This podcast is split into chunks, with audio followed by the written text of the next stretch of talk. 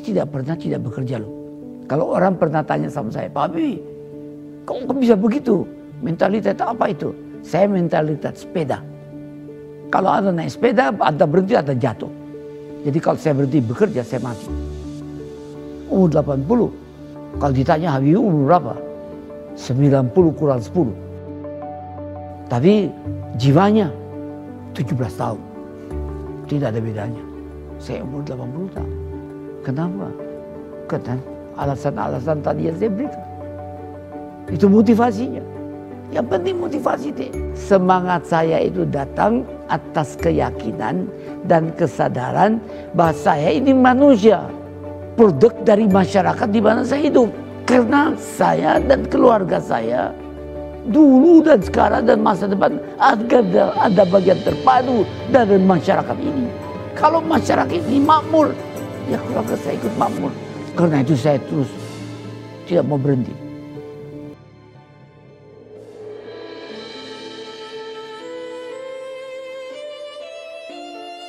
Bahardin Yusuf Habibi meninggal dunia pada Rabu 11 September 2019 sekitar pukul 18.03 waktu Indonesia Barat di Rumah Sakit Pusat Angkatan Darat Gatot Subroto atau RSPAD Gatot Subroto, Jakarta. Presiden RI ketiga tersebut dimakamkan di Taman Makam Pahlawan Nasional Kalibata, Jakarta Selatan. Presiden Joko Widodo memimpin upacara pemakaman kenegaraan jenazah politikus dan ilmuwan yang disegani itu pada Kamis siang 12 September 2019.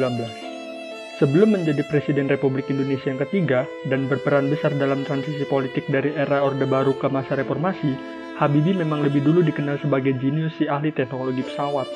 Riwayat pendidikan Habibie sebagai insinyur bermula saat ia belajar teknik mesin di Fakultas Teknik Universitas Indonesia Bandung atau sekarang disebut ITB pada tahun 1954. Setahun kemudian, ia memilih menekuni studi spesialisasi konstruksi pesawat terbang di Aachen University, Jerman Barat. Setelah Habibie mendapatkan gelar diplom engineer pada tahun 1960, ia melanjutkan studi selama lima tahun di Aachen University. Habibie berhasil meraih gelar doktor engineer dengan predikat cum laude di perguruan tinggi itu.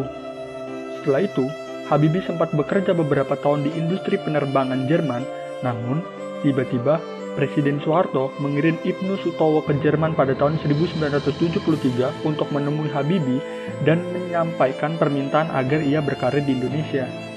Setahun kemudian, Habibie pun pulang ke tanah air.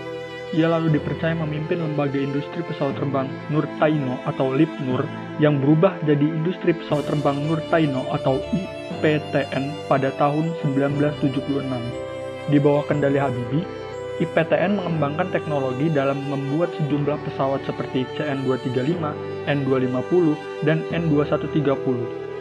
Produk IPTN paling legendaris adalah N250 Gatot Kaca yang mengudara perdana pada tahun 1995. Di masa itu, N250 adalah satu-satunya pesawat turboprop pemakai teknologi fly-by-wire. Namun, Sayangnya produksi PTN tersendat lama usai krisis ekonomi tahun 1997 yang menerpa Indonesia pada saat itu. Perlu kalian ketahui, Habibie adalah ilmuwan yang hebat dengan segudang teori. Apa saja penemuan Habibie? Setelah meraih gelar doktor dari Aachen University, Habibie berkarir di industri pesawat Jerman. Tugas utama Habibie di sana semula melakukan riset soal konstruksi pesawat. Karena aktivitasnya tersebut, membuat ulasan ilmiah Habibie kerap dimuat sejumlah jurnal prestisius. Bahkan, Habibie mengaku temuannya saat itu ada yang dipakai oleh Fakta Pertahanan Atlantik Utara NATO untuk standar desain pesawat. Saat terlibat dalam proyek prestisius ini, Habibie menemukan teori crack atau teori perambatan keretakan. Teori crack temuan Habibie bermanfaat untuk menghitung dan memprediksi titik retak. Dengan begitu, sebuah materi pesawat dapat diperkuat dengan lebih presisi.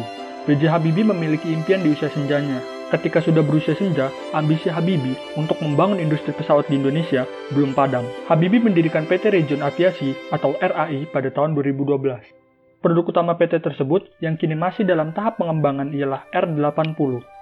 R80 adalah pesawat turboprop generasi terbaru yang memiliki kapasitas penumpang 90 orang pengembangan pesawat R-80 butuh dana sekitar 1,5 miliar dolar Amerika Serikat. Habibie ingin 55% dari total kebutuhan dana itu dipenuhi oleh investasi dalam negeri.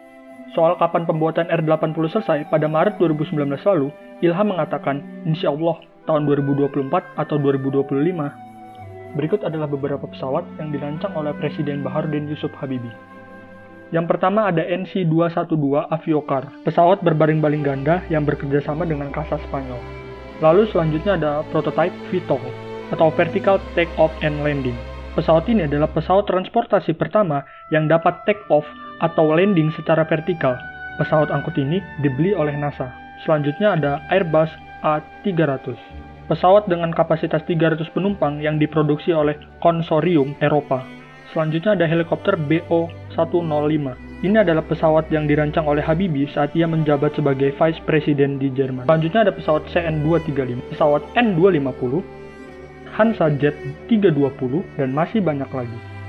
Tak hanya prestasi yang dapat kita jadikan inspirasi, kisah cinta Habibie pun dapat kita jadikan inspirasi.